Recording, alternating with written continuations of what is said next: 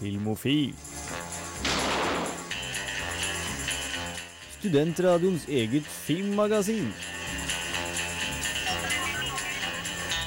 Lights ready? All set.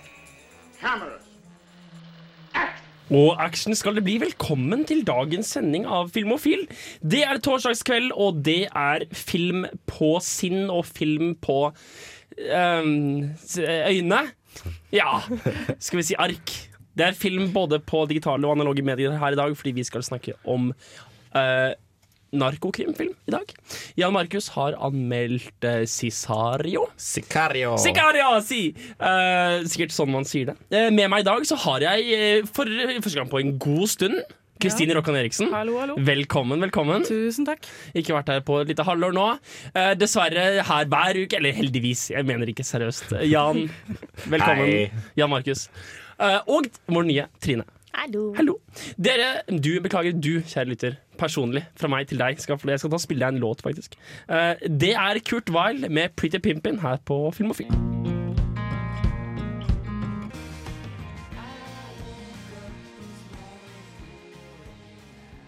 Og det er altså radiosending. Eh, Vi skal snakke om film. Vi skal snakke om eh, veldig spesifikke ting, men først skal vi snakke om litt uspesifikke ting. Trine, har du sett noe siden sist? Ja, jeg har sett sånn tre-fire sesonger av Parks and Nei, vent. Ikke Parks and Recreation. Community. Community. Det er, eh, if, hvis du er alle andre enn Dan Harmon, så er det en lett feil å gjøre. Er det gøy? Ja, det er veldig morsomt. Eller, det er, det er veldig morsomt de to-tre første sesongene. Mm. Og så blir ganske mye av det veldig gammelt. Ja. Fordi de gjør det samme om igjen og om igjen og om igjen. Det er pga. the gas leak year, altså. Det er, det er helt forståelig. Og for de som ikke vet det, så er det Leak Year sesong fire, er det ikke det? Jupp. Hvor Dan Harmon ikke var med. Så i sesong fem så refererer det til at eh, de var ikke så spesielt morsomme det året fordi det var en gas leak. Hvilke sesonger så du? Jeg har sett sesong to, tre og fire, Ja. og så er jeg halvveis i sesong fem. Syns du at femmeren har kommet seg litt igjen? Litt. Fordi jeg, jeg, husker, jeg husker at jeg begynte å se igjen i sesong fem, og det var faktisk litt fett. Men man er veldig, blitt veldig vant til det. Det overraskelsesmomentet som var i sesong én og to, er ikke der lenger, for min del. Fordi jeg var veldig glad i Abed, Mm, og så ble det veldig mye til slutt. Ja, det blir veldig mye til slutt. Og så stikker jo også han, eh, han eh, Troy. Troy stikker jo i sesong uh, No spoilers. Eller ikke. Det kan være en drøm. I hvert fall, da. Du, hvis du ikke har rukket å se det nå, så er det din egen feil, kjære lytter. Um, og det, den dynamikken mellom Troy og Abed var noe av det som holdt Abed veldig Ja, det var, Freskt. Ja, det var, noe, det var det jeg likte med Abed. Det var, det var deres to kjemi mm. som, som rollefigurer. Ja. Skal vi hoppe over til andre kvinnelige deltaker? Ja, kan vi godt. Jeg har, eh, jeg har sett eh, Everest. Everest, den filmen som gikk på kino forrige uke som vi ikke anmeldte. Ja, ja, Det handler altså om en sann historie om en gjeng med klatrere i eh, Jeg husker ikke hvor langt tilbake det er, en stund siden. Og så gikk det skikkelig galt på fjellet, da. Med Jake Gyllenhaal. Med Jake Gyllenhaal og Sam Worthington og en del andre sånne halvkjente skuespillere som jeg ikke husker navnet på. Og det er uh, høyt drama. Er det ikke det man skal si? Oi, oi. Eh, og det, er, jeg, jeg, det, det var en tåre som rant nedover kinnet i løpet av filmen. Men sånn, det er ikke noe jeg ville superanbefale. Jo, men altså Med så stor film så er det jo høy fallhøyde, vil jeg si. Altså. Stor sjanse for at han ikke ja, Nei. jeg, God utsikt, riktignok, men Det eh, var fantastiske bilder av fjellet, selvfølgelig. Men jeg ville heller, mye heller anbefale en dokumentar som heter The Summit, som handler om en annen tur, men en ganske lik tur i forhold at det er ganske mye av det samme som skjer feil.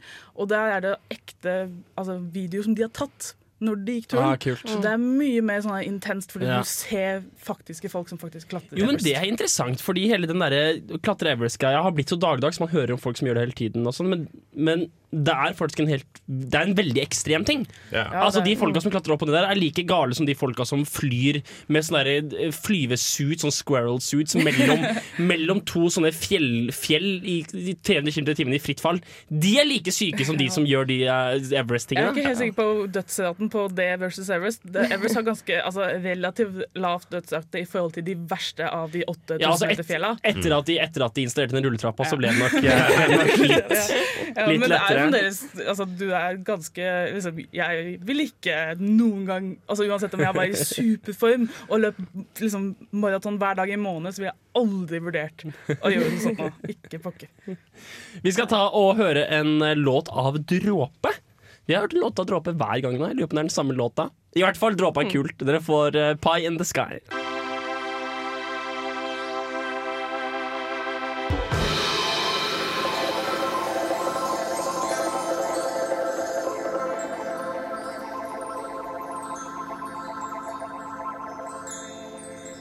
Jan, har du gjort noe eller sett noe siden sist?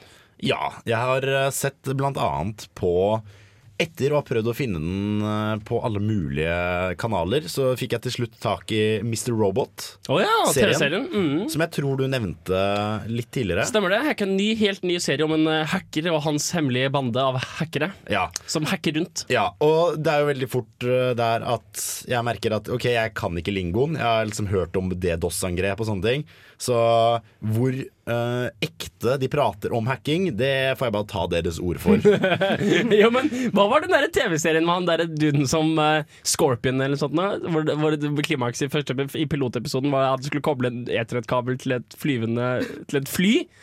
Hvor han, han satt oppå en Ferrari som 200 og var ah! Got it connected to update the firmware! Sånn, okay. Ja, så er det, det er veldig lite sånn der, eh, folk som har en pistol mot hodet og sånn You gotta hack faster! Og så hamrer de på keyboardet for å få hacket raskere. Men eh, det er en ganske kul serie. Det er jævlig bra skrudd sammen. Uh, eneste jeg irriterer meg litt over, er at de slemme er så veldig slemme. Du, Ja. du skjønner på en måte De prøver å rettferdiggjøre motivasjonen deres og gjøre den litt menneskelig, men det er liksom sånn eh, Han ene fyren i episode én eller noe slåss med uteliggere uh, under en bro. Han gir dem penger for å banke dem opp. Og det er liksom Han, han er skurken. Hvem skulle gjetta det? Nei, det er en, definitivt en, en TV-serie som, eh, som eh, Altså, Den har ikke vokst helt på meg ennå, men den er på en måte eh, grå nok og kjip nok til at det er verdt å se på en dag man har lyst til å se litt på, på, mm. på, på serie. Og det er vel Er det ikke Netflix? Nei, det Nei, er, det er ikke det, nei. Det er, det er et eller annet. Amerikansk Netflix tror jeg har den. Ja, ok, et eller annet sånt nå. Så det er noe sånn USA uh, et eller annet eh, Men jeg, vil- jeg ville sjekket ut hvis jeg, uh, hvis jeg var deg, altså, eh, Mm. kjære lytter. Jeg har også sett litt på nye TV-serier, faktisk. Eh, Det var en TV-serie som airet eh, her om dagen, 22. september, tror jeg. Limitless! Ah. Men var ikke det en film med Bradley Cooper og eh, Robert De Niro for noen år siden? spør dere? Det jo, stemmer. det var det. Uh, og denne, filmen, denne serien fortsetter i samme universet. Eh, cool. Egentlig pretty much der den Er forrige det filmen prequel eller uh, Sequel. sequel? og ganske grei kronologisk. Tett opp til sequel også. Følte en annen dude. Litt mer vo- voiceover. eh, litt forutsigbar åpning. Og søstera til Dexter er FBI-agent i denne her også. Uh, men det, ja, det er vel det hun heter, ja. Banner Jeg, like mye? jeg tror hun heter noe annet her. Nei, hun banner ikke like mye, Ah, dessverre. Eh, og det begynner litt sånn stavrende. Jeg var litt sånn skuffa over en litt sånn åpenbar mulighet for eksposisjon, hvor liksom FBI-sjefen forteller deg masse viktige detaljer som de burde vite fra før av! Ja! Uh, men uh, det kommer en litt kul vending, og det er, det, er, det er greit tempo. Det funker fint i den første episoden av Limitless. Altså. Er det samme effekten når han tar Ja, ja. sånn? Fargeforskjellen fra veldig sånn blå inn, palett. Ja, og så blir det veldig fargefullt når ja. uh, og, Men det var, det er, den, jeg er spent på hva de gjør med det samme problemet som filmen Limitless gikk inn på, nemlig at ok, du er udødelig når du har pillen, greit, så hvordan gjør det interessant? Jo, alle får pillen. OK, så greit. Da. De har ikke løpt inn den ennå, men jeg ser for meg at det, liksom, det, er, det er den eneste måten å gjøre det interessant på. Ikke sant? Det er samme som Supermann-greia. Ja. Enten må du gjøre han svak, eller så må det komme en eller annen uovervinnelig motstander. Og det blir litt kjedelig i lengden, Det blir sånn som eh, True Blood, at alle til slutt har en eller annen sånn supernaturalhet over ja, seg. absolutt. Og det er derfor jeg tenker at, det er derfor jeg tenker at uh, konseptet til Limitless kanskje passer bedre på film. Men jeg har forhåpninger. Altså, jeg, etter å ha sett første episode, gikk jeg tilbake til, til TV-serien Forever, som begynte i fjor. Den likte jeg veldig godt. Ja, Med han uh, hovedkarakteren fra det første moderne f eh, Fantasy Four uh, Å nei. Fantastic Four. eh, ja, han Mr. Fantastic. Ian fra- Grufford. Ja, det er det han heter. Takk. Det er deilig med noen som har hukommelse i programmet igjen. Jesus! Vi kommer til å korte det minst. Jeg er veldig fan av han, da. Jo, jo, men denne senga kommer til å bli fem minutter kortere, bare fordi vi slipper å sitte og stå um, um. I hvert fall, Ian Grufford spiller, eh, spiller en, eh, en udødelig um, uh, MI, altså crime, te crime technician, som, som er en, en sånn der, em, doktor som ser på døde, døde folk. Og han er udødelig selv, og så skjer det masse morsomme ting. Ja da. Mm, litt forced, litt, litt tvungen dialog, litt sånn pinlig humor av og til, men det går, det går. Det er bra nok. Jeg liker veldig godt det at han, han har en, på en måte en sønn, men sønnen er ikke udødelig, så han har blitt uh, Å, det er sønnen hans? Ja, Er det sønnen hans? adoptivsønnen, da. Nei, det er Eh, og det er samme som spiller faren i Independence Day. Han Ja. jødiske faren Og han spiller akkurat den samme karakteren. Akkurat samme, Ja. og han er helt Herregud. genial, og forholdet der er fantastisk. Dere skal føre Band of Gold med The Parade.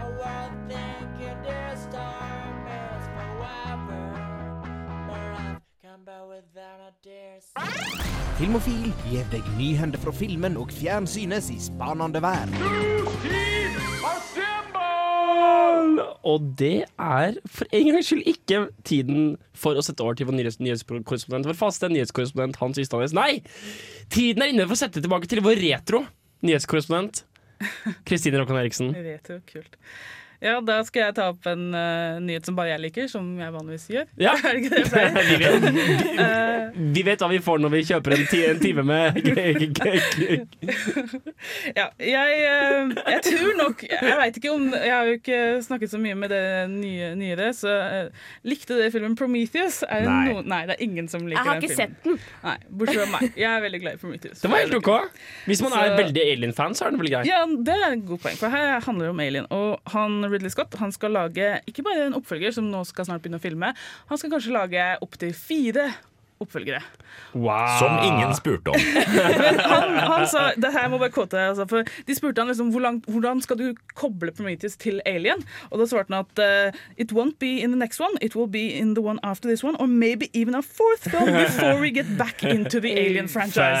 Så det her kommer til å bli en lang reise. Altså, det her er pre sequels, prequels. Det kan kanskje ende opp med sånn parallels for å, liksom, for å få det til å funke. Ja, men jeg, jeg gleder meg. Ja, skal jeg fortsette? Det er lyden som trodde du skal gjøre nye, nye ting. Jeg bare Kom igjen, er du rusten, eller? andre, Trodde du var andre som har veteran noe. dette jeg er alene på skranken. Eh, Da har jeg en nyhet om en filmskaper som heter Shane Carruth. Tror jeg uttaler det riktig? Ja, vi sier Ja, det. vi sier det. Han har laget eh, Primer, som er en uh, time trial movie som jeg elsker. En ek også. ekstremt forvirrende og veldig lavbudsjett. Er det det? det, er, det er den filmen som er, jeg liker best, basert på hvor lite jeg forstår den. Altså, Ikke basert på, men i forhold til hvor lite jeg forstår den. Det er ingen, ingen annen film jeg forstår så lite som jeg liker så godt. Ja, og så har han også lagd en film som heter Upstream Color, som jeg visst tror er enda mer forvirrende. For den så jeg, og jeg skjønte ingenting. uh, Men nå endelig skal han lage litt big budget, og han skal lage en film som heter The Modern Ocean. Og det er en nautical action adventure. Så med større budsjett og altså håpeligvis ja, bare sånn generelt uh, kule ting. Altså jeg kan bare, så kan du bare ta primer og de ideene han har der, og bare lage noe skikkelig svært. Jeg, kan, jeg bare gleder meg skikkelig. Jeg har bare så lyst til å se hva han kommer med, med masse penger. Ja, eh, så eh, helt til slutt så har jeg en nyhet om en veldig populær bok som heter The Girl on the Train. Det høres kjent ut. Den har kanskje den hørt om? Nei. Den, den, ja, jeg har hørt om den. Ja. Jeg har ikke lest den. jeg har hørt om. Ikke lest den jeg heller, men uh, den ble jo selvfølgelig med en gang snappet opp av Hollywood. skal lage. Og ryktene som går rundt denne filmen, er bare så fantastiske at hvis noen av dem, hvis en av ryktene er sanne, så er det her filmen jeg skal se. Altså. Det er liksom, uh, handler også om ei jente som sitter på et tog og forestiller livet til de hun ser ut, av vinduet. da. Ja. Og så får vi hennes versjon av hva hun tror de gjør, Ja. og så får vi deres versjon av hva de egentlig gjør. Så det er veldig sånn spennende. Og her har vi også Emily Blunt kanskje skal spille hun jenta. Chris Evans skal kanskje spille uh, mannen. Oi. Rebecca Ferguson, altså hun fra Mission Impossible Rogue Nation, Oh. Skal kanskje spille en av de som hun ser på. Og Jared Leto skal kanskje spille Dette høres ut som en film med et veldig godt, i veldig kul Ja. idé, kanskje kult laget, så har jeg bare puttet unødvendig pene mennesker inn. Ja, kanskje Jeg, tror, jeg tviler på alle de kommer til å si ja. For å si det sånn. Men bare den, den Det er jo mange som har sagt at den er litt inspirert av den eh, Gone Girl. Ja. Så det er derfor det er liksom, er det liksom bare La oss lage film, la oss, la oss lage den nye Gone Girl-ish. Kom og bli med på Gone Girl. Sikker på at du ikke bare fant en liste her på sånn fanfic-side. Sånn Dette er de menneskene jeg vil se i denne filmen. Ja, det kan hende at det var sånn drømme, drømmecast.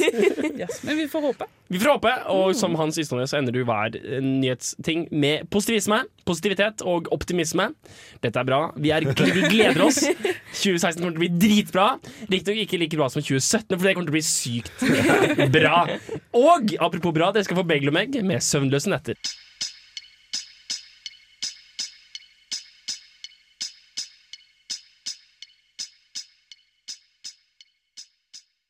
Primetime Emmy Awards.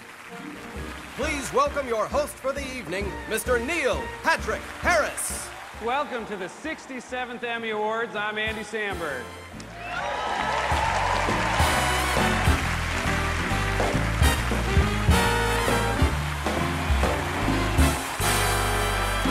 We're in Hollywood, the belly of the beast. You can't just you can't just read the prompter. I'm reading the prompter in here. You can read that pablum. Award show banter is not pablum. Reality television celebrates the human condition.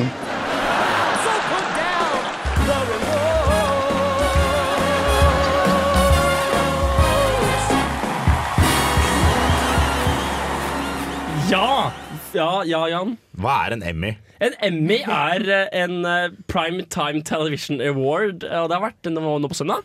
Så var det Emmy Awards. Det er priser som gis ut for eh, beste kinematografi, eksempel, som gikk til Big Bang Theory. Nei, det var nominert. Å, ja, var det nominert? Jeg trodde jeg trodde de vant den. Nei takk og fuckings lov. det hadde vært en nyhet, nemlig. Ja.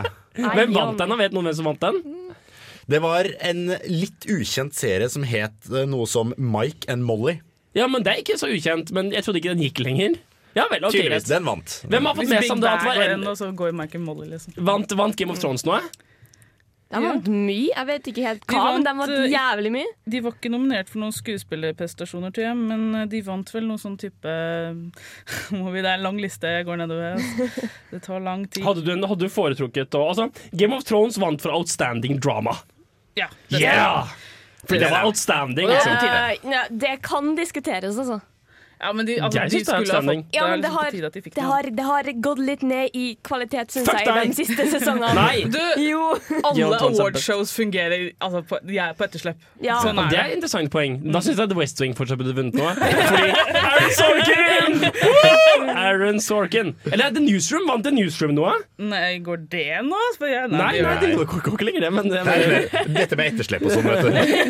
Nei, de uh... men jeg, jeg visste ikke at The Weep gikk lenger. Jo, jeg Send enda på Weep, så ikke kom her. Kom her. Fordi er det, det vant Outstanding Comedy Series. Du vet, hun Julia, Og Julia hun- Rod- Dr- Dreyfus Hun vant også for eh, beste et eller annet fra. Seinfeld. Hun dama fra Seinfeld. Ja, ja. Eh, ja, hun er serie. ja. Ja, Ja, ok, men da, da er jeg med. Jeg trodde du mente Weep som i gråte. Men apropos The West Wing. Uh, Alison Janny fikk, uh, fikk for Var det Mother? Er det den heter? Nei, var det den TV-serien heter? Mom? Mom! Takk. Peter Dinklage fikk for Outstanding Supporting Actor. Woo! Veldig fortjent. Mm. Hva, var det noen noen andre som, som, uh, Ja, som jeg var veldig glad for det Viola Davis fikk for the How to Get Away with eh, Murder, var det ikke? Ja, Outstanding Det- Lead den Drama. serien er fantastisk. Se den. Ja, ja eh, Hun er flink, men jeg Ja, det er derfor jeg ser på den. Det er for grunn av hun. Ja. Hva annet da? John Ham vant Mad Men. Ja, Outstanding var Lead sånn Actor. der, Å, skal du Er du ferdig? Ja, Er du ferdig? Ja. Og apropos ferdig, vant John Stewart noe? Ja, han vant eh, Eller showet, han vant ingenting, men eh, personlig. Men de vant for eh, sånn beste type ver, ver, er Variety show. Yes, det vant Men det er faen meg bare på sin plass! Eh, og så vant Jeg tror de vant to, gjorde de ikke det? Nei, nå finner jeg den selvfølgelig ikke. Men det er, det er jo alt som er sånn Hei, har dere siste sesong nå? Og her, her, her, Ja. her, ta, ta, Best ta. Directing in a Variety Show også. Ah, altså to til, yeah. til The Daily Show, ingen av hvilket var John Stewart ansvarlig for. Men hvem vant Best Competitive Reality Show? The Voice. Oh yeah! Bare sesong nummer 17. Jeg får litt sånne vibber sånn der, når når barnebarna begynner å besøke besteforeldrene ekstra ofte, for nå er det snart slutt. Sånn det, vi, vi må være hyggelige mens vi har dem. Og, men Daily Show vant også for Outstanding Writing. Det skal sies. det skal sies Det jo Andre ting vi bryr oss veldig hardt om. Jeg syns det var litt eh, kjipt at, eh, at uh, Wolf Hall ikke fikk noe i det hele tatt. Og fikk bare nominert han man, uh, Mark Rylance eh, var nominert, men ellers så fikk den ikke noe love. Og Jeg var veldig glad i den serien. Bill Murray fikk en uh, Outstanding Supporting Actor in a Limited uh, uh, um, sånn ting. Bill Murray vant en ting. okay. Bill, Bill Murray vant en ting! Han vant en Uh, han fikk den for, uh, for HBOs uh, Ol- Olive Så den er ingen hørt om. Eh, kanskje verdt å, verdt å, verdt å sjekke ut. Og så syns jeg at Louis kunne ha vunnet noe med, Altså, for uh, Det synes Veep faen er meg bra, jeg men uh, Louis er bedre. Tenk at Veep vant over Louis! Det er, Det er faen ikke OK, altså. Nei, uh, to ganger nominert Ja, men det, det er typisk, det er typisk sånn premieshow. Den du vil skal vinne, vinner veldig sjelden. Men det er interessant at, uh, at hun der ekstremt populære damen og hun Amy Schumer Hun vant uh, Outstanding Variety Sketch Show uh, Inside Amy Schumer. Hun vant en Emmy for det. Hmm. Så det er gøy! Ja. Tommel opp Tommel her opp. på Filmofil. uh, og eh, apropos, apropos, apropos tommel opp. Eh, transisjon. Death by Anga Bunga er også en tommel Å nei, okay, never mind. Den fiksa du! Dere får tell me why.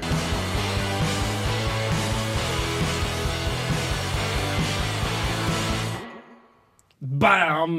Bam. Jeg følte det manglet en siste liten, sånn derre- liten power chord i den der låta der. Jeg skal ta og ringe Death Banga Banga og si Du, jeg jeg er stud student i eh, Jeg lurte på jeg, ehm, eh, eh, Henrik har, my har meninger om mye. Ja, det Kan ikke, du, kan ikke du levere ut neste. Emmy og så bare boikotte alle valgene neste? Skytte lappen til helvete. og, og prisen for best Nei, Louis. Louis. Variety, variety sketch show The President! Yay! Oi, er West Wing! Ja, West Wing. Men West Wing. Interessant liten hjernefjert der. Uh, har du vært og sett amerikansk film? Ja, siden du spør, så kom jeg jo på at Nei, men jeg har jo sett en eh, amerikansk film på kino. Som handler om, eh, handler om narkotika og, og kriminalitet, som er eh, temaet for, for, for, for, denne, denne, denne, denne filmsendingen. Skulle nesten tro det ikke var tilfeldig. Nei, jeg tror, jeg tror du dro den vitsen siste uke også. Mm. Mange ganger er det før vi må si fra om at ja, Mange ganger er det, er det før vi må ha en Skulle nesten tro at dette var til, ikke tilfeldig intervention. Jeg er fortsatt noen ganger igjen jeg tror jeg er på kvota. Men i hvert fall, da jeg fant ut at uh, denne filmen Jeg liker ikke å se trailere så mye, men jeg fant ut at denne filmen var uh, laget av samme regissøren som lagde 'Prisoners'. Den med Arnold Schwarzenegger og Nei, nei Nei. den med Hugh Jackman. Ja. Kanskje Hugh Jackmans beste skuespillerprestasjon. Nei! Jo. Er det det? Jeg gidder ikke å se den filmen ennå. Dritbra. Wow. Dritbra. Gud. Eh, og det er også, som eh, hvis ikke jeg husker feil, eh, i likhet med 'Prisoners', Roger Deakins, som Ja. er kinematograf. Som hele Filmofil har en her. Ja, har vi hadde en sending om han i vår. Ja. Mm. Og han er helt fantastisk. Så jeg tenkte at ok, den filmen her, den må jo, om ikke den blir bra, så blir den i hvert fall pen. Så jeg klarte å gråte meg til å få se den, ut av de i Filmofil som hadde lyst til å se den. Kjør anmeldelse.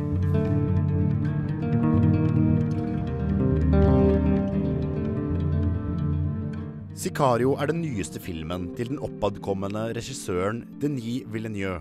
Han er tidligere kjent for bl.a. Enemy og Prisoners. Selvsikre filmer som har vært tungt drevet av indre spenning.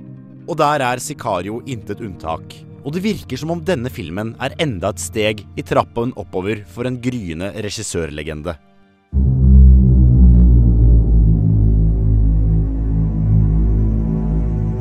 State Department is pulling an agent that specializes in responding to escalated cartel activity. This is not my department. Filmen starter med at FBI-kvinnen Kate Macer, spilt av Emily Blunt, gjennomfører et raid i et hus mistenkt for narkotikavirksomhet. Der bevitner hun de meksikanske narkokartellenes hensynsløshet på nært hold, og motivert for å finne de som sto bak, blir hun tilbudt å jobbe i en spesialgruppe som fokuserer på å ta bakmennene i den meksikanske dopindustrien. Sammen med to eksterne agenter, spilt her av Josh Brolin og Benicio del Toro, reiser de bak fiendens linjer for å stoppe systemet som livnærer kriminaliteten. Men jo dypere inn i operasjonen hun havner, jo mer må hun stille spørsmål ved fremgangsmetodene de bruker, og hvorvidt målet faktisk forhelliger middelet. What are the rules here? Stay in your vehicle. You can do what they do. If they get out. Sicario er en stemningsdrevet film som kan fremstille en by som et monster og en narkotikasmugler som et omtenksomt menneske. Bruken av musikk, tempo, regi og en mesterlig kinematografi er med på å tvinge deg inn i nøyaktig den sinnsstemningen filmen ønsker å formidle. Følelsen av at noe er fryktelig galt, er overhengende i store deler av filmen, til tross for at ting ser ok ut akkurat på overflaten.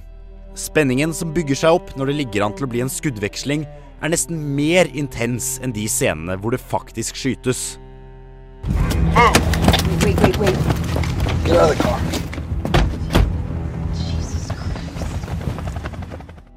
Nå har filmen noen få små ting som holder den igjen fra å bli et absolutt mesterverk.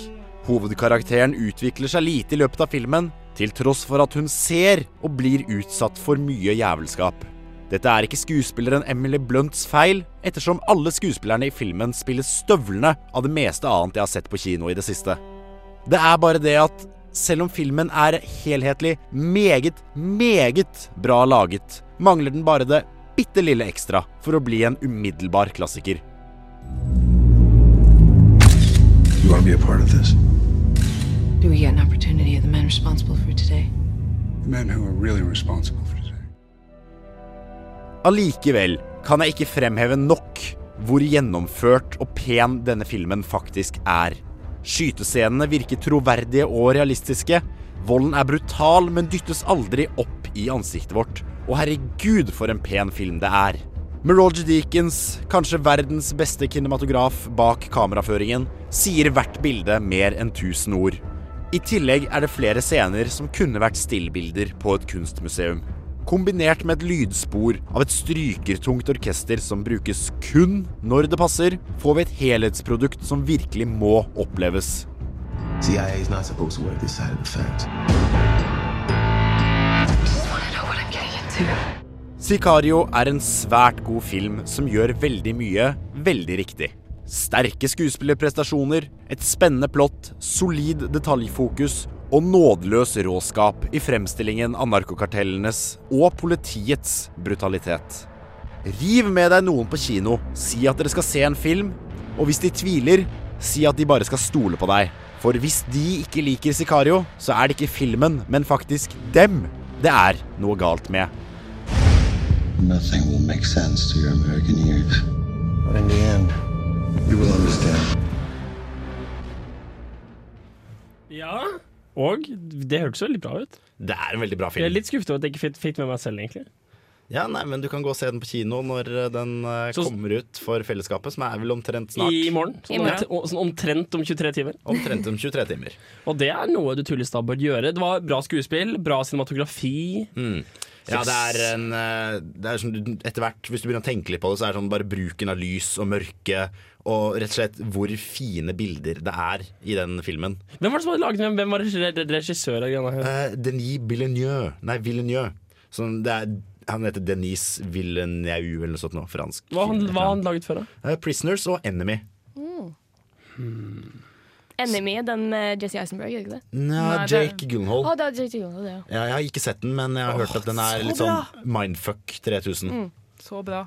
Så etter å ha sett den filmen her nå, så begynner jeg å stole veldig på regissøren og har lyst til å se Enemy også. Ja, fordi Emily Blunt har jo vært, har vært flink i det meste jeg har sett henne i. Ja. Og, det, Og Josh Brolin også. Ja.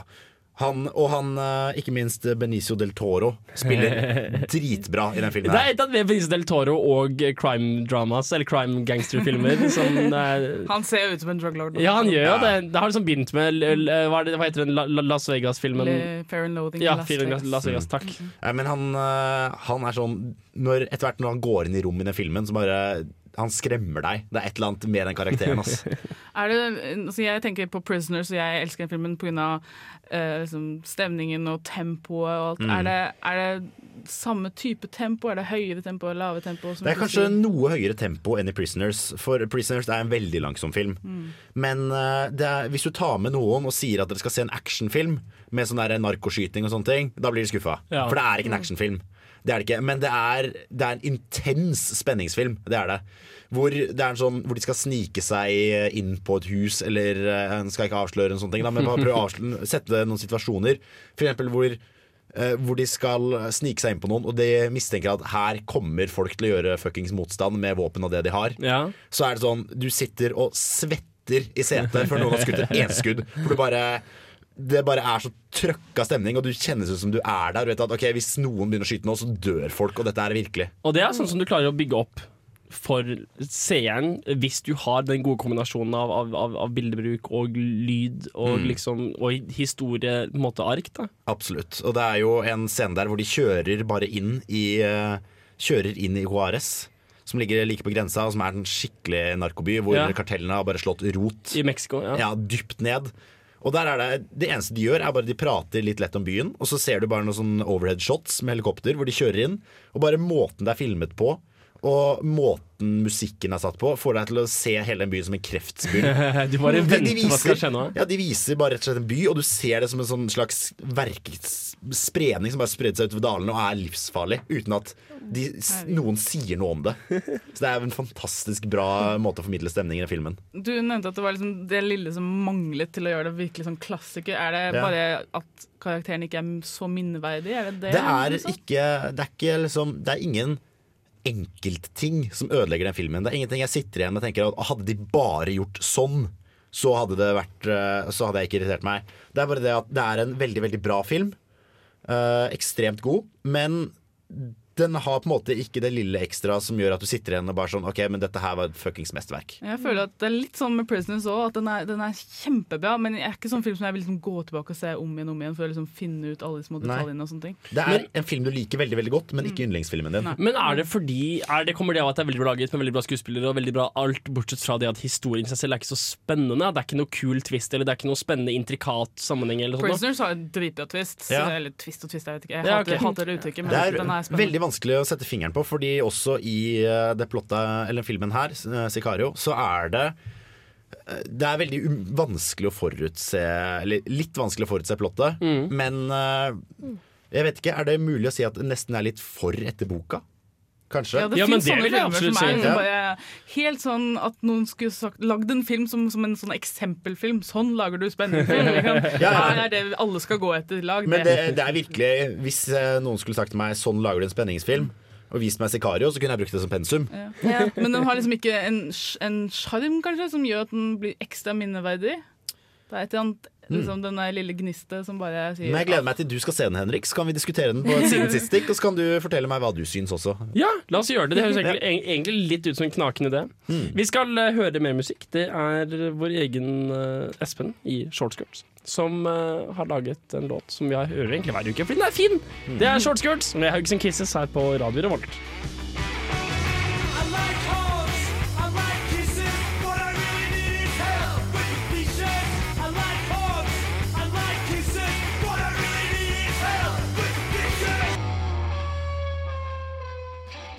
Hørt mange som har tatt sånn eh, fuglekikking og Jeg har tatt bl.a. ledelsespraksis og litt helsepsykologi. Fylt på med litt eh, her og der. For du kan kanskje ikke ta medisin for ikke-medisinere? Nei, det kan jeg ikke. For du er faktisk en medisiner? Ja, det. For jeg har på en måte også tatt eh, medisin for ikke-medisinere. Jeg fikk ikke noe studiepoeng, da. Det var Nei. sånn eh, seks dagers eh, sjamankurs. Hei, jeg heter Gjertrud, og jeg er ukesjef. Eh, I dag har jeg vært eh, på Ukesenderen, og det har vært kjempegøy. Dere burde absolutt høre på dem. Og Ukesenderen hører du hver søndag hele oktober.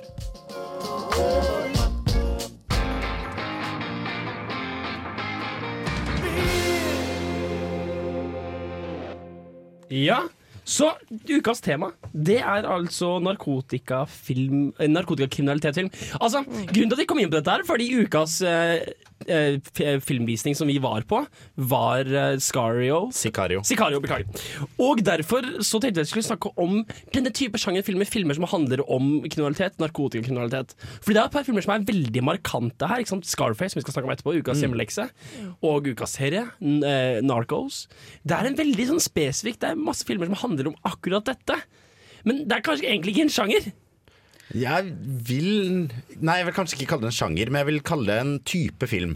Altså det er, vi, vi, vi, vi kan si det er krysningspunkt mellom flere typer filmer. Mm. Det er krysningspunkt mellom gangsterfilmer og eh, kulturfilmer. For det er veldig ofte Amerika, det er veldig ofte Mexico-Amerika, Mm. kulturkrysset. Veldig ofte liksom Veldig ofte kokain, veldig ofte high life versus eh, low life. Jeg vet ikke, er det ikke noe sånn Du må jo også skille mellom liksom, drug trafficking-filmer og for eksempel de som er litt mer på gatenivå, da kan du si. Det. Type Pineapple Express, fordi Mm. liksom Det er jo narkotikakriminalitet fordi det er drug dealers, og det er eh, liksom Ja, dealers og de som sitter på på litt toppen, og så har du eh, sånn type film som eh, eh, Savages, som var en helt forglemmelig film, men som jeg husker for en eller grunn. Uh, hvor det er liksom noen som på en måte ikke Som er stoners, men som blir blanda, blander seg inn i en større verden Ja. med narkotika. Eller Once Upon a Time i Mexico, hvor det er i en sånn drug cartel-verden, Ja. men det handler ikke nødvendigvis om Altså, de skal jo ta livet det, av det er et interessant Ikke poeng. At det er gjerne menneskehistorier, eller det er gjerne historier om desperasjon. Men det er innenfor denne rammen av, uh, av narkotika- narkotikakriminalitet. Fordi det er en typisk eh, scene for denne type desperate menneskehistorier. Jeg tror desperasjon er et tema som går veldig mye igjen i eh, sånn narkotikakriminalitet. Du har på en måte de som allerede har etablert seg, eh, og er på en måte top dog gangsterboss. Mm. Um, som sitter på millioner av kroner. Men så er det veldig mange eh, som på bakkenivå gjør jobber som er helt jævlige, fordi enten de er desperate etter penger, eller to, de har havnet i en eller annen situasjon hvor de ikke har noe valg lenger. Ja, ikke sant? Og det er jo også noe med det at uh, Det gjør det interessant. Altså Det Mm. at det er så desperasjon, og det at, det er så, det at folk er villige til å gå så langt. Og det at mye av det er, liksom er basert på ekte historier, det gjør det jo spennende.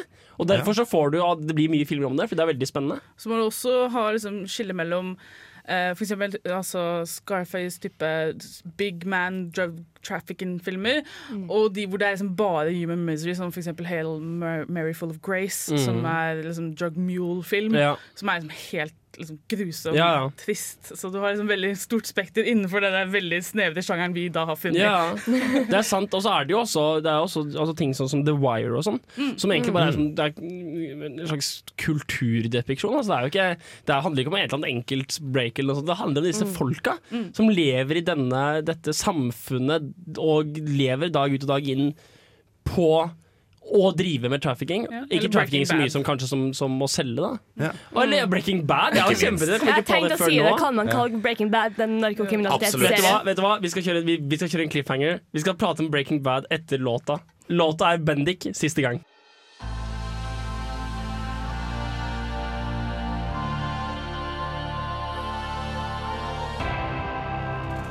OK, så Breaking Bad, hvor er det spilt inn? Albuquerque, New Mexico. Det er jo ikke akkurat et sted vi liksom tenker på som Å, her er det drugs. Men altså, det er jo Jeg tenker på, egentlig på Breaking Bad mer som Weeds. Altså TV-serien Weeds. Det er litt mer sånn forsad og Litt darkere. Ja. Nå skal jeg si at er bare har sett første sesong, da.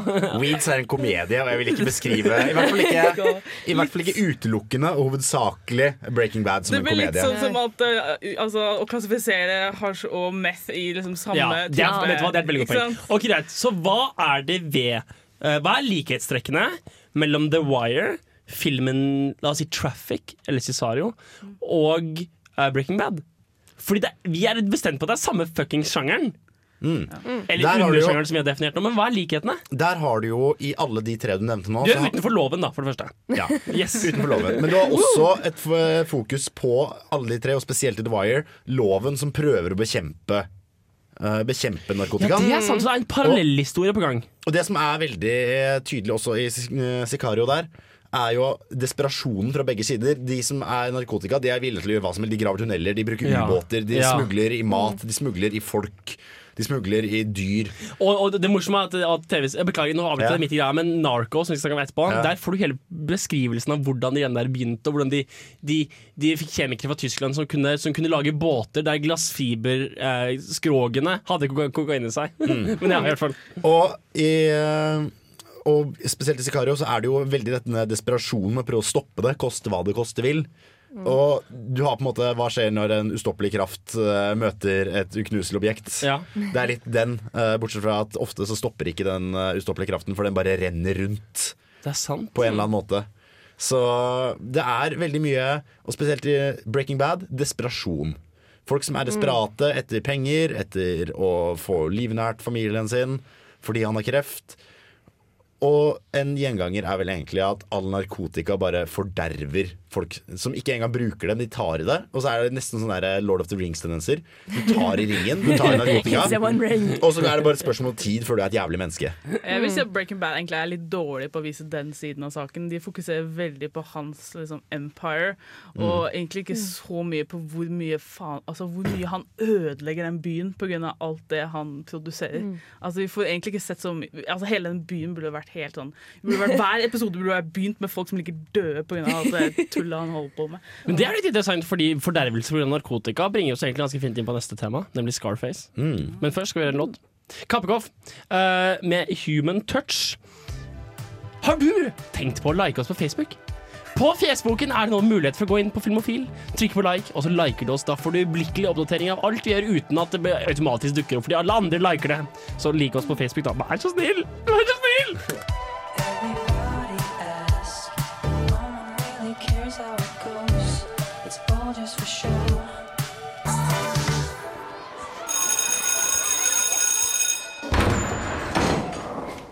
No foolish wand waving or silly incantations in this class. No, okay, that's it for the day then. Today, we have a similar debate over this. Anyone know what this is, class? Anyone? Anyone? Anyone seen this before? Ukens hjemmelekse. Og ukens hjemmelekse var eh, en av de virkelig store filmene gjennom historien. You fucking cockroaches! Maron Macron, nei, hva faen han sier. I hvert fall. Uh, filmen Scarface, skrevet, Scarfaced, Mm, ble skrevet av Oliver Stone uh, og laget av Brian De Palma 1983. Og Eh, filmplakaten har dekorert dorm rooms siden. og det er litt interessant, fordi dette er virkelig en av filmhistoriens store filmer, men jeg tror ikke at den nyere generasjonen Alle har ikke sett den! Har du sett den, Trine? Det, jeg prøvde Du så veldig mye mye den orket du å se? en halvtime, tror jeg. Hvorfor, hvorfor ikke mer?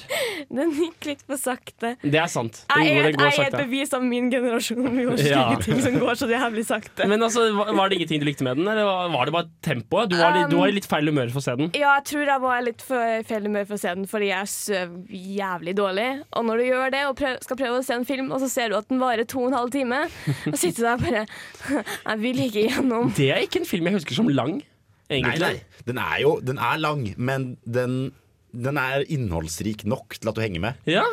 Det er jo også en film som har eh, Hvor mange er det? 235 fuck! Det er én fuck hvert 1,32. Men ja, det er 226 times eh, the word fuck is used. Og det er 1,32 fucks per minute. Det er ikke så verst, altså. Nei, det er ganske sprekt. Brian De Palma hadde et or- originalklipp av den som han sendte til de folka som gir rating i Amerika. NCAA, hva faen, jeg husker ikke hva det heter. Mm. Og så de ga, de ga den en X, da. Så han, han ville gjerne ha den til å være en eh, Han ville gjerne ha en R-rating, så han kutta den ned. Og så sa han nei, fortsatt X. Faen da! Den, og så, og så, jeg, jeg kutta den en gang til, og bare nei, fortsatt X. Vet du hva, Jeg gidder faen ikke kutte den en gang til. Så han tok den inn til et sånn hearing board hearing, og hadde med seg to sånne tolloffiserer. Som jobbet med akkurat drug trafficking i Miami-området. Og liksom visste at de bare sånn Nei, det her er helt det her er akkurat sånn som det er. Dette er en total ekte depiksjon av hvordan dette er. Og de bare Ja, OK, skal få en, skal få en R, da. Og han sier ja, men, ja, men det, har, det er akkurat samme som originalklippet. Men studio sa nei, nei, du, nå, nå, nå kødder du ikke med oss. Du gir ut den mest klippede versjonen. Men Brian De Palma tenkte at ingen av dem vet hva de snakker om, så han bare ga ut originalen. Fuck dem. Og takk for det. Og takk for det! Ja. For det er virkelig en film som Vi snakker om gangster, eh, som en sjanger, og Scarface er virkelig en av liksom, Det er grunnsteinene. kokainfilmen over alle kokainfilmer. Ja. Mm. Hvor du da har dette med desperasjon. Han kommer, han er kriminell, øh, og han tjener penger. Han forderver seg til ville helvete på kokain. hvor han liksom, spoiler alert, sitter omtrent i siste scene med en sånn fem kilo kokain som han bare inhalerer på, eh, på siste De skulle egentlig bruke milk powder, de skulle egentlig bruke melkepulver til Mm. men de måtte bruke noe annet, og Brian De Palma nekter å si hva det var. Skal vi se, det er, det, det er en av de delene av filmen jeg faktisk har sett fra før av. Før jeg prøvde å se Ja, for det er, det er en veldig quotable film, og det er veldig, veldig mye legendariske scener der. Jeg er sikker på at folk som ikke engang har sett Scarface, har hørt sitatet 'Say hello to my little friend'. Say hello, le- hello to my little friend. Jeg så filmen bare fordi at jeg sa til meg selv at jeg må se den filmen sånn at jeg kan se den scenen i sin ekte kontekst. For jeg hadde bare sett Ja. den så mange ganger.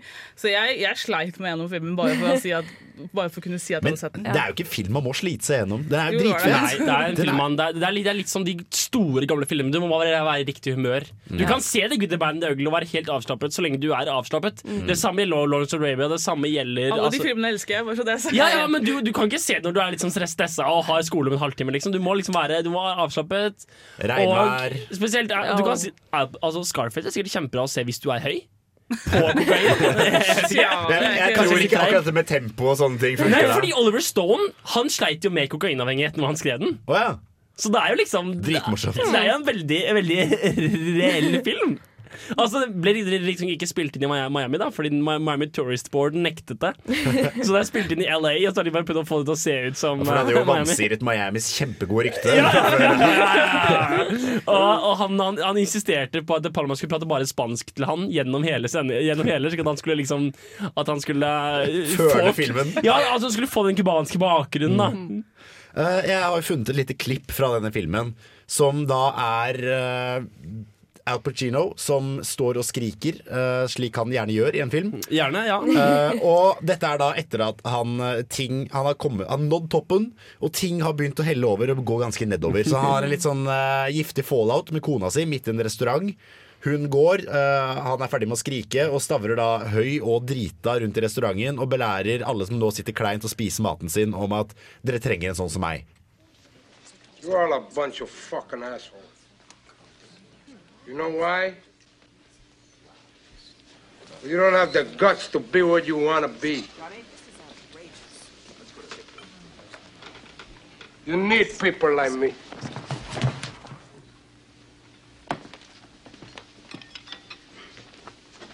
You need people like me so you can point your fucking fingers and say, that's the bad guy. So? What'll I make you? Good? You're not good. You just know how to hide, how to lie. Me, I don't have that problem. Me, I always tell the truth, even when I lie.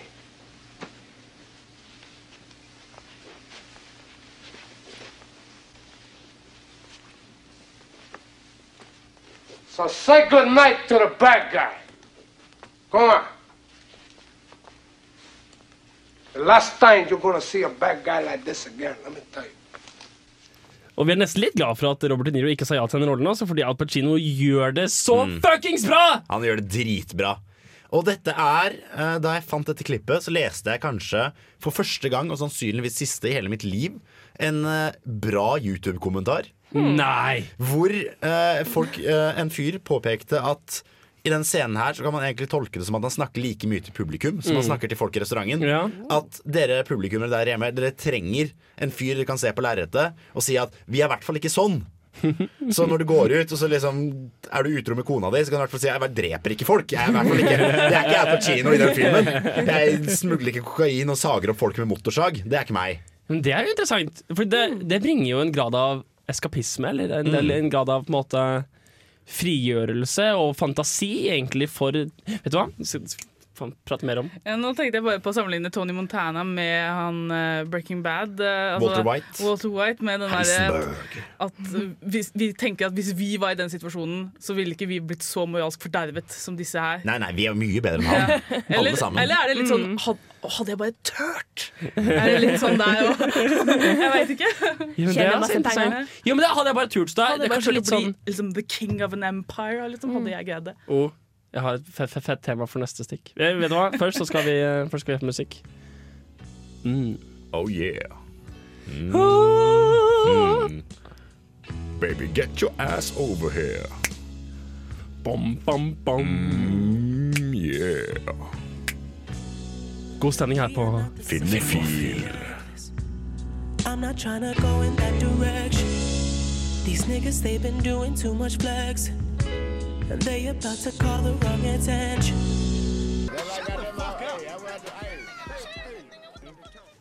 Ukas filmlåt. Jeg kunne sagt at vi hadde en jingle på det.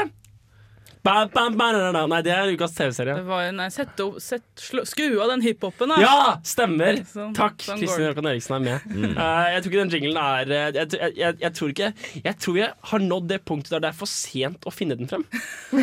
Jeg kan sette på påskekontentum. Ja! Ja. Jeg mener, bed er alltid gøy, men jeg vet ikke helt om det funker. Å bedde eller ikke å bedde, det er spørsmålet. Om is Nei, nevner man ikke å de, de direkte overføre Ja. OK, greit. Påske. Jeg kjenner det veldig påske. Uh, det gikk plutselig opp for meg uh, når vi pratet om det her og forberedte sendingen, at en film som er om narkotikakriminalitet, er Layer Cake! Vi pratet om det når vi hadde Rich Guy Ritchie-sendinga for to ganger siden. Og vi snak, jeg snakket om min uendelige hard-on for Layer Cake, og, og, og, og, og vi, ukas filmlåt er der fra den. Eh, men ikke nok med det. Det er en fet film også. Det er det. Veldig på tema. Og i forskjell til mange av de andre um, narkokrimfilmene vi har snakket om, så handler ikke Laircake om en dude som er desperat og bare reagerer på hva som skjer. Han er litt mer i kontroll. Han er litt, litt mer frempå. Nei, Jeg vil ikke si kontroll, jeg vil heller si at denne her, for, for, forskjellen på Layer Cake og type Breaking Bad-folk er at, at Daniel Craig, som spiller hovedpersonen, han er mer sånn Han bare havner uti det her. Og han har ikke så veldig lyst til å være med på det her. Nei, og han han er litt tvunget med på det. Og han er veldig sånn oh shit, oh shit, nå må jeg liksom step up or I'm dead. Og jeg har så, du har så sympati for han i forhold til liksom, Det er ikke sånn at du har lyst til å være han, eller du har lyst til å Vel, det er én scene der hvor du hadde likt å være han. jo, men, En, liten, en liten stund i hvert fall. du har, har i hvert fall når jeg ser på den, så er det bare sånn Å, stakkars lille, jeg har lyst til Men det er ditt forhold til Denner Craig uansett hvilken film det er. Det, Nei, det tenkte du i. Stig Larsson-filmen! Alle Bond-filmene! Nei, da, han ja. Det her er jo Nå har jo ikke jeg sett den. Uh, slik jeg, Hvorfor bidrar du i For jeg skal spørre deg som har sett den, Ja. om nå jeg Nice kommer med noe relevant nice- der. nice. Så uh, det jeg lurer på er Er dette en film hvor narkotika er eh, et, liksom en nøkkelpunkt med alt det innebærer, eller kunne like så godt ha vært en koffert med stjålne penger eller diamanter? Altså, han er jo på en måte sånn mellommann, uh, og så blir han på en måte dratt med i en litt større handlingsforløp. Da. Jeg vet ikke hvor mye jeg skal spoile. Altså, jeg tenker at Det er definitivt Det må nesten handle om narkotika, fordi en del av bipersonen, en del av eh, kar kar karaktergalleriet rundt, er en del desperate folk, og en del dumme folk, og en del folk som bare er på sin siste tråd. Og en del av den greia med å go all the way. Det er, Ja. veldig, det, er, det er veldig helhjertet kriminalitet, om vi skal si det, uh, som en sjangertrekk ved det filmen vi har snakket om i dag, og den er definitivt der. Uh, noe av det er definitivt bare en koffert med penger. Veldig utbyttbart med det. Mm. Mens andre ting er det sånn, ja, dette er drug trafficking, dette er helt åpenbart. Og det er noe med det der med at det er en del utlendinger med i filmen også, sånn som amerikansk drogfilm er gjerne med en del meksikanere eller colombianere eller cubanere. Mm. Så, er det, så er denne filmen her med en del folk fra, fra Baltic og, og så videre og så videre. Så det er jo, men altså, det er ikke Guy Ritchie som har laget den, det er jo Matthew Vaughn. Ja. Han er veldig digg. Han har laget eh, mange bra filmer som jeg liker. Uh, type X-Men First Class, eh, Kingsman, Stardust, uh, Kickass. Uh, ja. eh, det er egentlig alle, alle filmene hans har jeg liksom jeg, jeg, Ingen av filmene hans jeg hater, for å si det sånn. Ja, vel, vel, Kingsman, ja. Det, Kingsman var- stygt om Kingsman her. Kingsman var fet helt frem til kirkescenen, og etter det så var det bæsj, bæsj, bæsj. Men herregud, for en kirkescene. Jeg, Ja. så, jeg, så, jeg så Kingsman igjen her om dagen. Det er så mange som liker den, og jeg ikke liker den. Uh, og de hadde klippet ut den scenen der den svenske Ja, tilbyr anal. amerikanske versjonen har det. De er så Og det var så, men det, det var skikkelig dårlig klipp også. altså, hvis, noen, hvis noen her i studio hadde gjort den klippen på et lydklipp, så hadde jeg gitt dem kjeft. Liksom, for det, de greiene der sugde. Jeg tror, jeg tror han klippet det sånn bare for å liksom, vise folk at Ja, her det- er det noe dere må finne sjøl ja. og bare slå opp. Ja, kanskje det. Jeg tror det der er mangla det noe! Ja. Men uh, Cake er fantastisk, og den har alle de, alle de delene du liker av Daniel Craig, alle de delene du liker av Matthew Wall og indirekte Guy Ritchie. Så er det mange småjoller til mange kjente folk. Tom Hardy Ja, er litt ja, med, Ben Tom med. er med. sier jeg. Og han, eh, han, eh, han Hva heter han? Åh, åh, gud. Eh, han Spør du meg, så spør jeg deg. Michael Gambon. Ja, Michael Gambon. Selvfølgelig. Mm, og Kenneth Greg, Greg Cranham. Og hun utrolig deilige um, Sienna Miller. Sienna Miller i en av sine peneste filmer, selv om det ikke er featured så veldig mye. Men pen. pen veldig pen. Ok, Pen, pen. Pen, pen, pen, pen. Uh, ukas filmlåt er fra Layer Cake, og det er veldig, veldig Hvis du har sett filmen, så tenker du at ja, dette er derfra. Veldig britisk, veldig, uh, veldig gangster. Kanskje ikke? Altså, det er sånn type britisk gangster som er liksom på grensen mellom suave og bare helt fordervelig. Dere får eh, FC Kahuna med 'Hailing' her på Filmofil. Vent litt, hva sa du? Nei, jeg lurer på om det var flere lag ved Layer Cake. Det er flere lag ved Layer Cake, og det er det, det, det, det, det snakker om i filmen. Den er liksom som en løk. Nei, det var bare dårlig, Kristine. Det er faktisk flere lag, Fordi det er ikke bare, ikke bare er det en veldig plottdreven ting, men det er også uh, flere lag i liksom, hierarki og hvem som forholder seg til hvem. Mm. Så det er alltid alltid en bigger fish. Sånn, sånn er det lag på lag på lag med verre og harde gangstere. Hmm, godt spørsmål. Ta det på lufta. Her på Filmofil.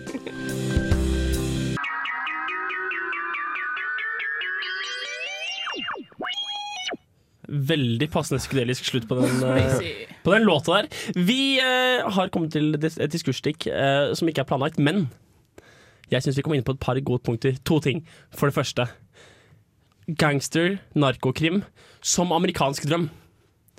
Det er. Fordi det er litt sånn i de greiene med å komme fra bunnen, komme fra, bl- øh, fra liksom en eller annen sånn derre- eh, Altså, Harlem eller noe sted, og så plutselig bare ah, Bli en konge, bli en Altså, Tony Montana er jo en immigrant som Ja. blir kongen på haugen. Ja. Det er jo, altså Hele den filmen er jo bare den amerikanske dømmen i et veldig forvridd nøtteskall. Det er, jo, det er jo også noe der at hvem som helst kan selge dop.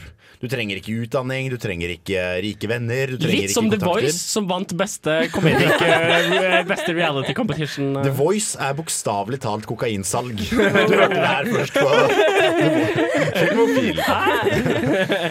pluss, at, plus at å si at man ikke trenger evne er ting- OK, i hvert fall. Det var litt, litt dårlig av, Så- avsporing. Men hvis, eh, hvis da den, liksom, Scarface er den uh, amerikanske dem, er, er Breaking, Bra, Breaking, Breaking Brad, Breaking den, Brad. Er, det måte den, er det på en måte døden av den amerikanske dem, da, siden han på en måte Nei, for det går jo Jo, men han jo- er jo mor helt moralsk er Ja, jo- men folk driter er jo i moral, de skal jo bli Nei, rike. Du må huske, her- du må huske hvordan han er i begynnelsen. Han er, han, er, han, er, han er sørgelig, han er trist, han puler ikke kona si. Han er et skikkelig trist, gammel, feit gubbe uten noe liv. Ja, men han er Og han første sesong, første, men første sesong er at han våkner og får liv igjen.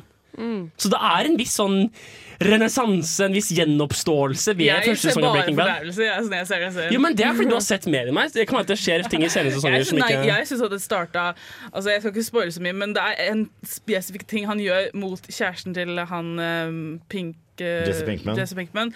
Det øyeblikket for meg er der hvor han aldri kan gå tilbake. Det, Jeg, så helt, jeg forsto hvorfor han gjorde det. Jeg forstår hvorfor han gjorde det, og, jeg forstår, og det var helt selfiske grunner hvorfor han gjorde det. Og det er bare går inn i den at han er en helt sånn forvridning av den amerikanske drøm. At han, han går ikke egentlig oppover, han går egentlig bare ned til helvete. Altså. Mm. Det, er, det er jo Det er en serie hvor eh, man ganske Uansett man setter ikke, så skjønner man at per, hovedpersonen blir bare verre og verre. Så det som er morsomt, er å se hvor lenge folk heier på han. Eh, som et litt sånn sosialt eksperiment. Og jeg fant ut at jeg hang med sånn halvannen sesong lenger enn alle vennene mine. Er sånn, Ja, nei OK, ok oh, ja, okay der setter vi grensa. Folk ser på meg. Sånn, er du fette seriøs? Han, han, han, er jo, han ble jo jævlig for lenge siden. Ja! men, det, tidlig ute, da. men da er vi veldig inne på det der med at, med at, eh, med at det er en veldig god backdrop for et karakterdrama. Og det andre tingen jeg hadde lyst til å si, var um, eskapisme. Altså den ideen om at denne her, i tillegg til å vise deg en veldig tydelig kontrast til ditt liv Alle disse folka som bor i New Mexico og ikke dealer meth, tenker 'herregud, så vanlige og flinke og flotte vi er'. Ja. På den andre siden, alle de som ser filmene og, tenker, og får en helt, innsikt i en helt annen verden. På samme måte som actionfilmer er en fantasiverden der du liksom oh, Bad guys don't look at explosions.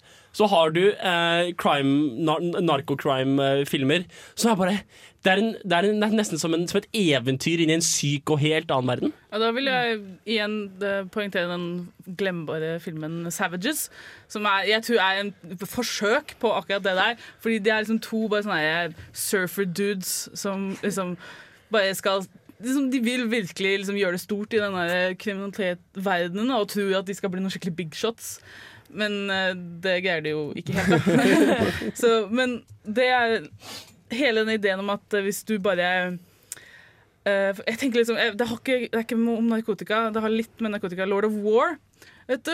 Ja. han, bare, han, bare, han, bare får sånn, han får en gunner ned i fanget, Ja. og så bare på bakgrunn av den ene tingen så, Ja, bare, liksom, så åpner denne hele fantastiske verdenen til seg, og han bare får liksom, skyscraper apartment og bare har En av de kulere. Nicolas Cage-filmene, egentlig. Så det handler om- hovedsakelig om våpenhandel. Ja, men han, Broren ble jo litt uh, veldig kokainavhengig. Da. Ja, det er sant. Ja, han tegner hele kartet av Belarus eller hvilket land der de kommer fra, og prøver å snorte seg. Og forteller hvor langt han har kommet i kartet. Så han har kommet til det, det, det, det stedet. Han snorter seg gjennom hele grensesonen. Vi skal ta og høre litt låt. Eh, Det er Girlband med Per- Pairs for Lunch. Hei! Hei! Det er ikke 90s sitcom-flashback. Ta og Skru på noe annet. Ja, bedre, men prøv igjen. Der, ja! Filmofil presenterer ukas serie.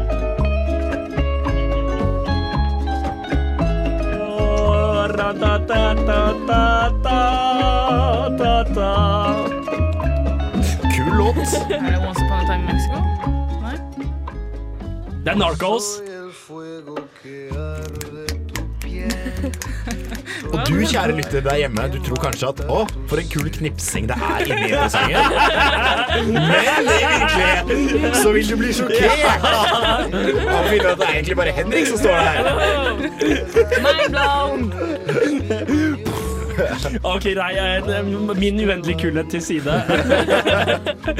Eh, Dette er da Netflix sin nye serie Narcos, som jeg har fått den store gleden av å se på. Um, det handler om Pablo Escobar og hans uh, rise to eh, cocaine fame uh, tidlig på, på 70-tallet. For han ble, han ble rimelig stinn av gryn. Han ble stinn av gryn, altså. Det var liksom en greie med at eh, det var kokain, cocaine paste ble liksom begynt å ut, utvinnes eh, i Chile. Og så reiste det en dude som heter Cockroach fra Chile etter at politiet drepte alle som drev med kokain. Reiste til, eh, reiste til Medin og fant eh, Pablo Escobar og sa til han ok, du er dritflink på å smugle eh, weed og penger og diverse ting. Kan ikke, du, eh, kan ikke du hjelpe meg å smugle coin, og du kommer til å bli dritrik? Og, og, og litt som The Wire, så er Narcos veldig opptatt av å skape det riktige og ekte. Så det er en veldig kul serie, på samme måte som The Americans er kul. Fordi det er liksom ikke noen sånn veldig, veldig sånn flotte, veldig prangende, oversaturerte, veldig tydelig fargefulle skuespillerprestasjoner. Det er mer sånn at det er skrevet veldig stramt og veldig godt, og det er en del sånn spenningsmomenter som ligger under. Og det er, det, er, det er kult å se på, altså. Og i og med at det er på Netflix, så er det jo bare å gå inn og begynne å se på det. For dette følger vel også sånn eh, litt typisk, tydeligvis, som vi har oppdaget med narkokrim, eh, fra begge synspunkter. Ja, fyren. Fyren som prøver å stoppe han, og eh, selve Pablo. Ja, fordi eh, serien introduseres egentlig Altså, du introduseres parallelt, som du sier, både med eh, The Roach og eh, Pablo Escobar, samtidig som du introduseres av DEA-agenten som reiser med kona og katta ned til, ned til eh, Colombia for å, for å være en del av Amerikas måte, første innsats i the drug war. Som da ble en greie. Så du får en veldig kul sånn intro til hva dette her er for noe. Og det er jo basert på en ekte historie. Så eh, det er absolutt, en, eh, absolutt noe man, man burde se, altså. Det er, eh, det, er, det, er, det er spennende. Men er det sånn at altså, når det er ekte historie, så er det ofte at uh, ting blir enten dratt ut eller skvisa veldig sammen. Er det, Syns du tempoet i serien er For jeg er litt redd for sånne type serier at de bare drar ut sånne ting for å Ja. få mest mulig ut av sesongen. Definitivt, og jeg, jeg tror her er nesten det motsatte. Det skjer så mye, og det går faktisk ganske fort tidsmessig sett. Altså De bruker ikke kjempelang tid på at han skal bli en stor kokainherre. Det skjer litt over første episode. liksom Oh, ja. Så, det er, ja, ja. Så de, selv om de allerede har fått- renewa til sesong to, så skjer det altså Første sesong er tettpakket. Det går veldig fort for seg. Og det er, det er egentlig fordi det er så, de har tatt med så mye av den ekte historien at det er, det er veldig mye å fortelle, og veldig detaljert. Har de, jeg er litt, alltid litt redd med sånn type serier eh, at det er sånn veldig mye sånn type gratuitousness. Ja, det er en del Det er vold. Det er en del vold, og det er en del blod, og det er en del, Men- sånn, og en del sånn rå menneskehet. Og da mener jeg ikke porno, Jan Markus. Men det er ikke, noe- Faen! er sånn Men det er liksom ikke sånn altså det, det, det, det tjener historien. Det er ikke sånn type HBO-levels av meningsløs splatter, liksom. Ja, nei, det er ikke det, men altså, det er vel en serie som jeg vil si det er litt sånn klisjéaktig. På den måten her at ting fortelles nesten litt Når du ser tilbake på det, ja, ok, det var egentlig litt forutsigbart når du ser tilbake på det. Men dette er mer sånn serie som Dette er den kvaliteten som gjør at dette har blitt til en klisjé. Så den klarer å gjøre en del veldig klassiske moves på en veldig god måte. Litt som The Americans igjen, som jeg er litt, fortsatt litt usikker på hvorfor jeg liker så godt. Og i og med at det er tuftet på en sann historie, så tror jeg nok også de hadde en god del vold eh, å faktisk spille på. Sånn, vi trenger en voldsscene, kan vi ikke bare plukke blant de 14 000 som skjedde i løpet av hans karriere? Nei, men det er definitivt sant, og jeg har, jeg har bare sett første Jeg har sett bare halve første sesong, så jeg gleder meg veldig til å komme tilbake til å se Det høres virkelig ut som en uh, serie jeg burde Ja, sjekke ut. ja, ja, ja. Eh, Et kort spørsmål. Ja. Eh, Er, det liksom, er det menneskelige relasjonene Er de like dramatiske som hendelsene? Er det, er det bra samspill mellom Jeg vet ikke, det er et godt spørsmål. Jeg syns ikke det er så Det er mest- mye det handler mest om selve Ja, det handler mest om personutvikling, ikke så mye utviklingen av forholdene mellom personer. på en måte Det er ikke så mye fokus på forholdet til DIA-agenten og dama hans, kona hans. Det er med hans utvikling fra å være en litt sånn naiv white guy til å være en veldig hardcore liksom, drug agent, og Pablo Escobar fra å være liksom veldig sånn derre Verden kan kontrolleres hvis jeg bare har navn og bilde på alle unger og koner. Ja, ok. Og sånn kontrollerer han på en måte Colombias politi. Men så går det, det forderves derfra, da. Interessant. Hvis du skulle sammenligne med en annen serie, eh, litt sånn Hvis du likte denne, tror jeg du kommer til å like Narcos. Klarer du å komme på det som på stående fot? Nei. Nei? Bortsett fra The Americans. Nope. Nope. Bortsett fra The Americans. Ja, men det, er, det kan egentlig ikke sammenlignes det kan eh, sammenlignes bare på, en måte på den stramme fortellerteknikken og at den er god på en måte som er litt vanskelig å sette fingeren på. Og portrettere fortiden uten at det blir liksom ja, og det er veldig for- ekte og veldig riktig, og det Ja. ser ikke ut som de har tatt på seg kostyme. Liksom. Det eneste, Du hører liksom ikke Forever Young på radioen hele tida. Og en annen ting er at at serien er halvveis på spansk. Altså Halvparten av, av, av tingen skjer på spansk. Det, blir, det føles veldig ekte. Veldig, Det veldig er jo egentlig ganske deilig. Jeg skal tenke litt mer på om jeg kommer på en, en, en, en god serie. Hvis, hvis, hvis, hvis du liker den, så burde du se dette. God stemning. Dere skal få høre Half Moon Run med Turn Your Love.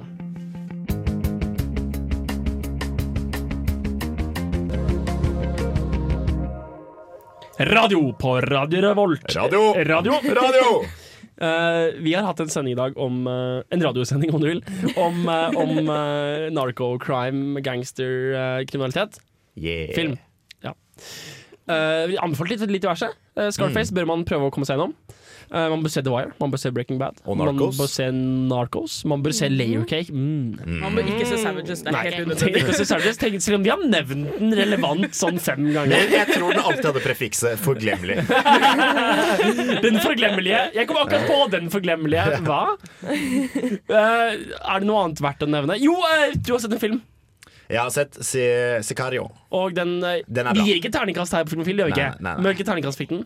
Eh, Fem-seks. Jeg, Oi, jeg, såpass? jeg jeg, ennå. Fem, men den, å, den var ikke fantastisk, så det kan ikke være en sekser. En god femmer.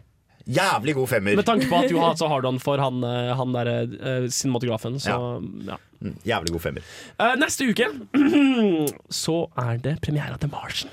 The Martian. Eh, den skal vi dra og se på pressevisning. Det blir kjempegøy. skal lage anmeldelse. og det blir dritbra. Og derfor så er da selvfølgelig neste ukes tema er hard sci-fi. Oh, yes. Sci-fi bundet opp i, um, i veldig sånn scientifically riktig ting. Kan Mm. diskuteres hvor scientifically riktig Interstellar eller Gravity var, men dette er fall filmer som er innenfor Altså, sjangeren. det er de som prøver å være grounded for henne. Ja, for å si sånn. være, å være litt ekte. Så det er ikke noe magi og det er ikke noe sånn, Så- sånne ting i den sci- sci-fien. Skal ta på meg verste kvaruleringshatten min jeg har, og sitte og nitpicke på små feil i. Armageddon! Kom igjen, folkens! Ja, men Armageddon er ikke Jeg tror ikke det er fordi det har sci-fi. Altså. Nei. Uh, ukas hjemmelekse er Contact, Matthew McConaughey-film fra 1997. Er det strengt at Jodie Foster sin film her, folkens. Eh, Jodie Foster, eh, skrevet av Carls ah, skrevet, Altså basert på boka 'Contact' av Carl Sagan. Eh, så det er en film folk må se. Jeg er litt usikker hvor du skal, kan få tak i den, men, men fins sikkert noen Jeg blockbuster vet han ligger på. Viaplay, for jeg tror der er sånn. Du er en resurs- ressurssterk person der hjemme. Du får til dette. Ja, du får til dette her. Eh, det har vært eh, Henrik Ilen Ringel. Kristine Rokkan Eriksen. Jan Markus Johannessen. Trine Mogård. Og eh, du får ha en meget god, god kveld, da. Ha det bra.